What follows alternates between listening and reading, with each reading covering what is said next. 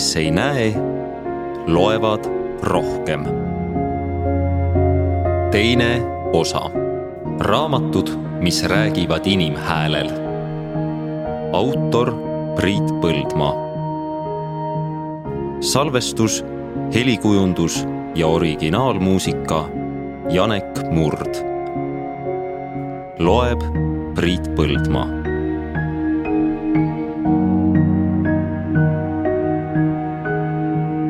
kus ja kuidas valmivad heliraamatud?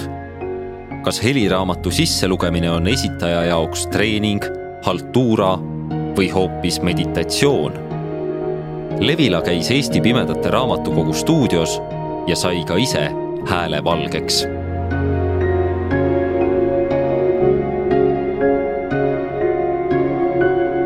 see ei ole lihtne töö, ütleb helindaja Riho Rausmaa, kui Suur-Sõjamäele proovilugemisele lähen Riho teab, millest räägib.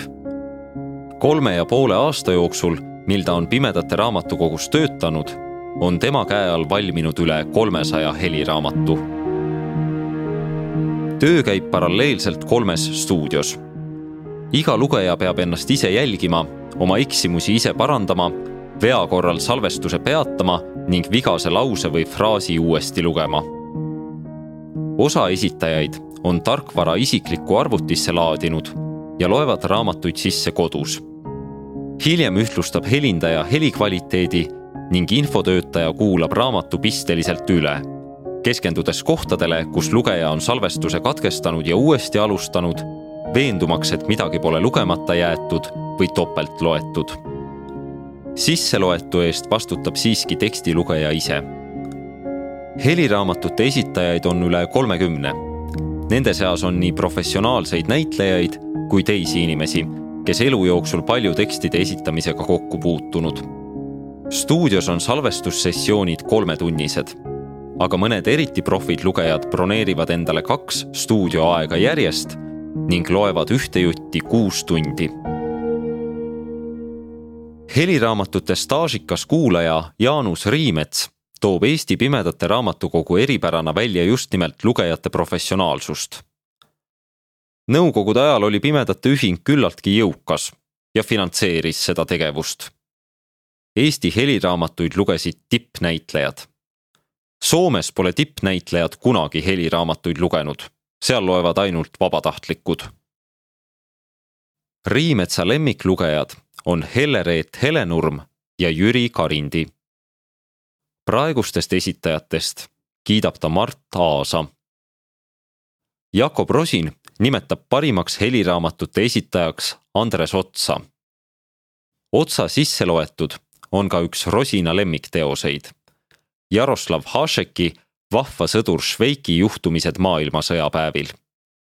Andres Otsa Šveik meeldib mulle kusjuures rohkem kui Tõnu Aava oma, kes on seda lugenud kassettidele, mainib Rosin mis teeb lugemise kuulajate arvates heaks? selge diktsioon ja kaasaelamine, kostab Riimets. ta ei tohi olla ülemängitud ja ta ei tohi olla alamängitud, leiab Rosin. mulle meeldib väga see, kui lugeja elab loosse sisse. kui tegelane on pahane, siis see väljendub ka lugeja hääles. kurbus ja rõõm tulevad kaasa. kui raamat on mina vormis siis tuleb esitajana ära tajuda selle jutustaja olemus. mulle meeldib, kui diktorit ei ole nii-öelda vahel ja mul tekibki tunne, et tegelane räägib. muidugi läheb vahel ka ülemängimiseks. kui meesdiktor loeb naistegelast, siis ei pea häält peeneks tegema, seda saab ka intonatsiooniga edasi anda. aga noh, kõigil ei tule see nii hästi välja. anda endast kõik midagi vastu tahtmata. Eesti Pimedate Raamatukogus esitavad raamatuid põhiliselt professionaalsed lugejad, kes saavad selle eest ka tasu. kuid lisaks neile loevad heliraamatuid sisse ka Põhja-Eesti Pimedate Ühingu ja Haapsalu Sotsiaalmaja vabatahtlikud. Haapsalus on selle tegevuse eestvedajaks kohalik vaegnägijast kirjanik Anni Oraveer sealses sotsiaalmajas on pikka aega olnud traditsiooniks lugeda pimedate tarvis plaadile valikut lääne eluartiklitest. kahe tuhande neljateistkümnendal aastal hakati salvestama ka raamatuid. tänaseks on kolmkümmend üks vabatahtlikku salvestanud ligi kuussada raamatut. Haapsalu vabatahtlikud lugejad valivad ise välja teosed, mida soovivad lugeda. me ei loe usku, seksi ega poliitikat, sõnab Anni Oraveer. kui vabatahtlik lugeja on oma raamatu välja valinud, oodatakse Pimedate Raamatukogult kinnitust, et see raamat pole juba kellegi teise poolt sisse loetud. hiljem võtab Pimedate Raamatukogu salvestised oma kogusse. Need inimesed annavad endast kõik, midagi vastu tahtmata, iseloomustab Oraveer oma vabatahtlikke. Nad tahavad head teha ja teevadki, hoolimata aja ja transpordikulust. ainuke, mis neile rõõmu teeb ja jõudu annab, on teadmine et nägemispuudega inimesed neid raamatuid hiljem ikka loevad. Haapsalus võib ette lugeda igaüks, kes vähegi soovib. salvestiste läbikuulamise ning vajadusel toimetamisega tegelevad Oraveer ja tema kolleeg Reet Kaljula.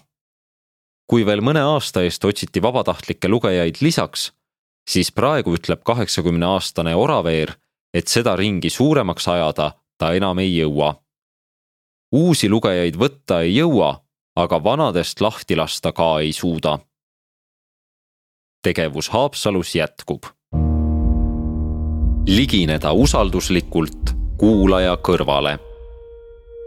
näitleja Lauri Kaldoja on alates kahe tuhande kuueteistkümnendast aastast sisse lugenud kolmkümmend seitse heliraamatut. Pärin, mis see töö tema jaoks on, trenn, haltuura või midagi hoopis muud muidugi on see trenn, vastab Kaldoja.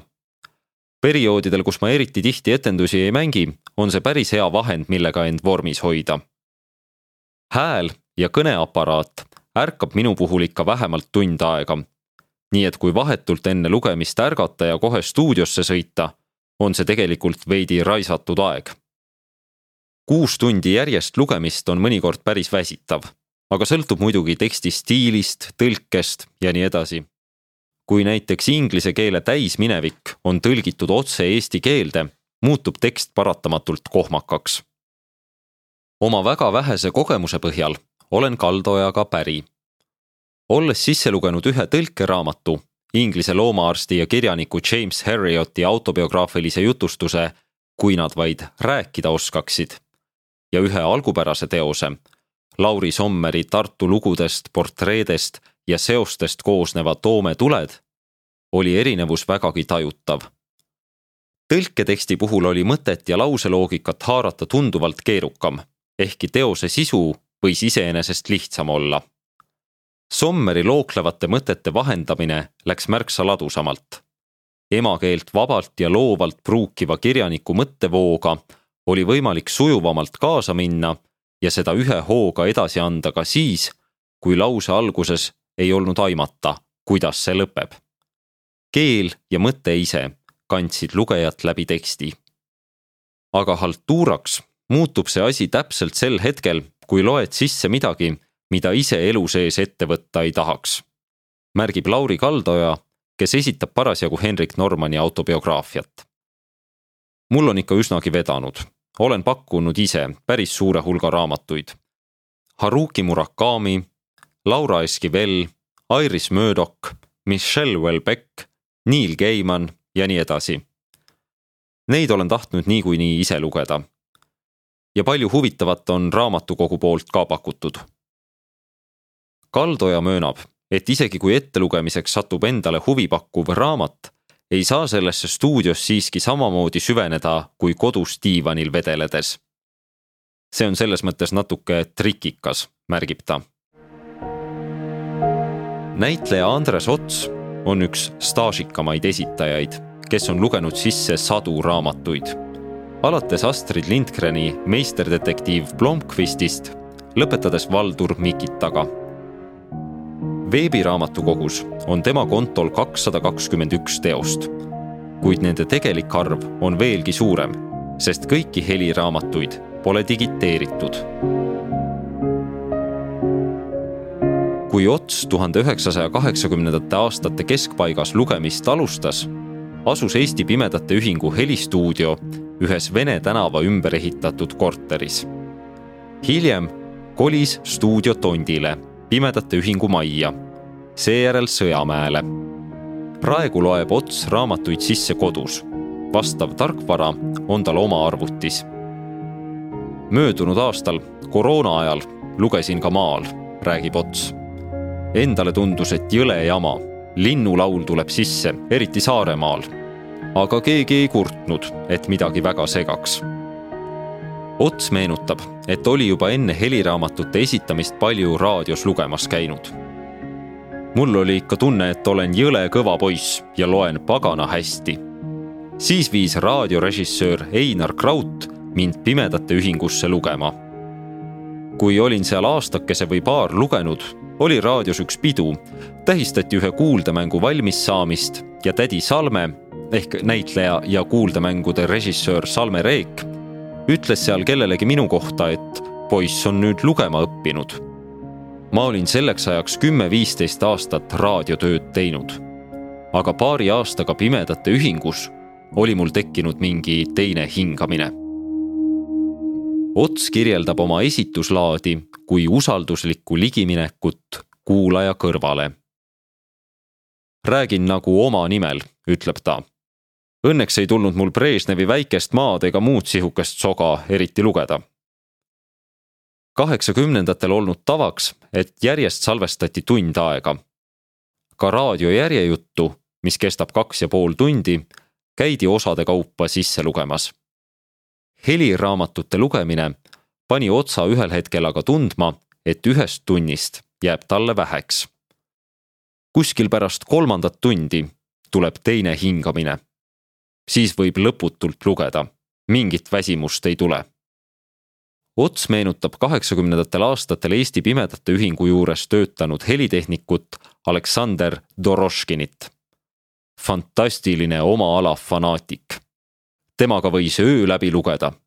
ta utsitas mind, loe aeglasemalt seda püüdsin ka lavakoolis oma õpilastele edasi anda, et siiski aeglasemalt.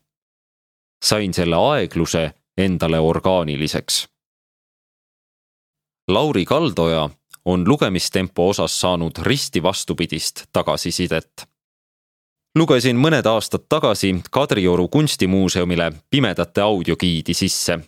maalide ja mööbliesemete kirjeldused ja nii edasi enne kui failid käiku läksid, andis üks pime ekspert neile tagasisidet.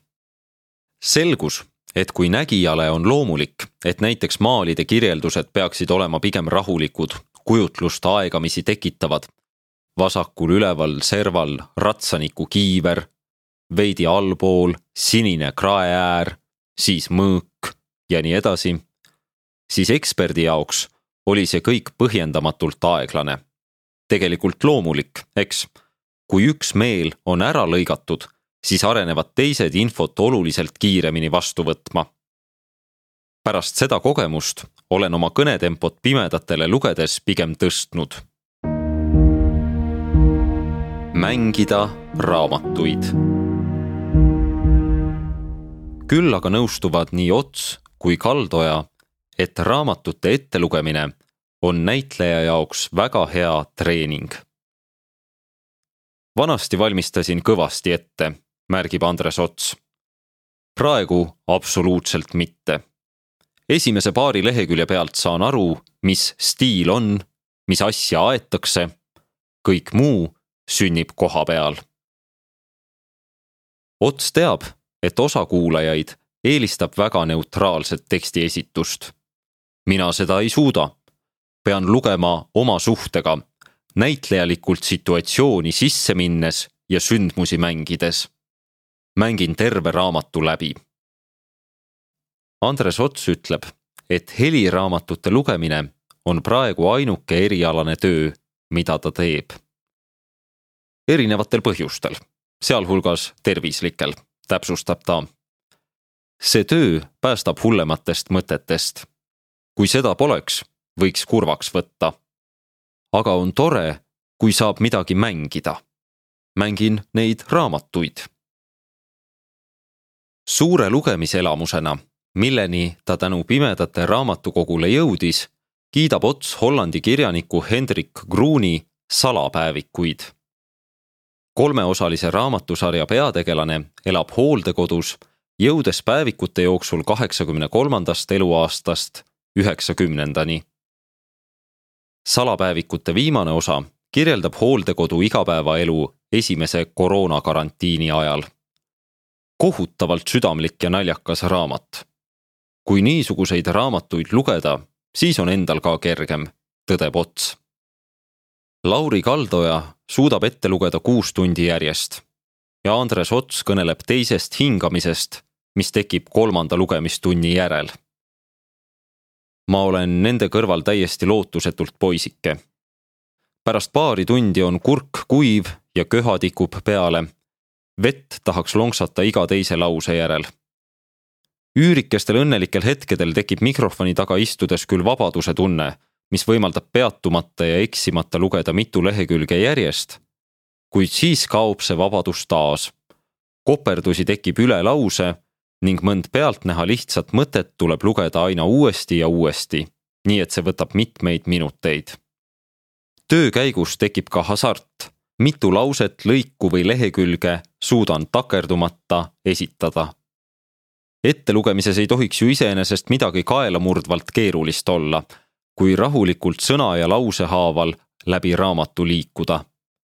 tasapisi taipan, et vead ei teki mitte niivõrd hääle või keele, vaid pigem meele väsimisest. nii et ettelugemine polegi üksnes trenn või haltuura, vaid ka omalaadne keskendumisharjutus, peaaegu meditatsioon kuidas lugeda teksti mõttest ette ruttamata, maha jäämata ja kõrvale kaldumata. nagu igasuguse trenni ja meditatsiooni puhul, on siingi saladus kergelt sõnastatav, kuid raskelt teostatav. tuleb harjutada, harjutada ja siis veel natuke harjutada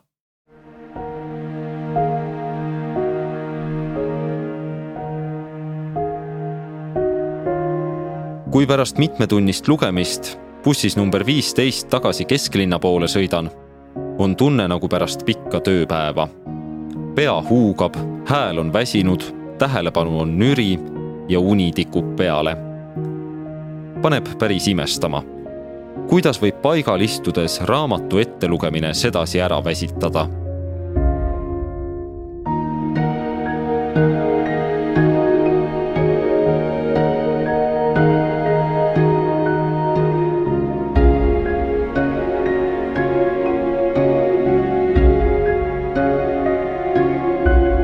Levila kaks tuhat kakskümmend kaks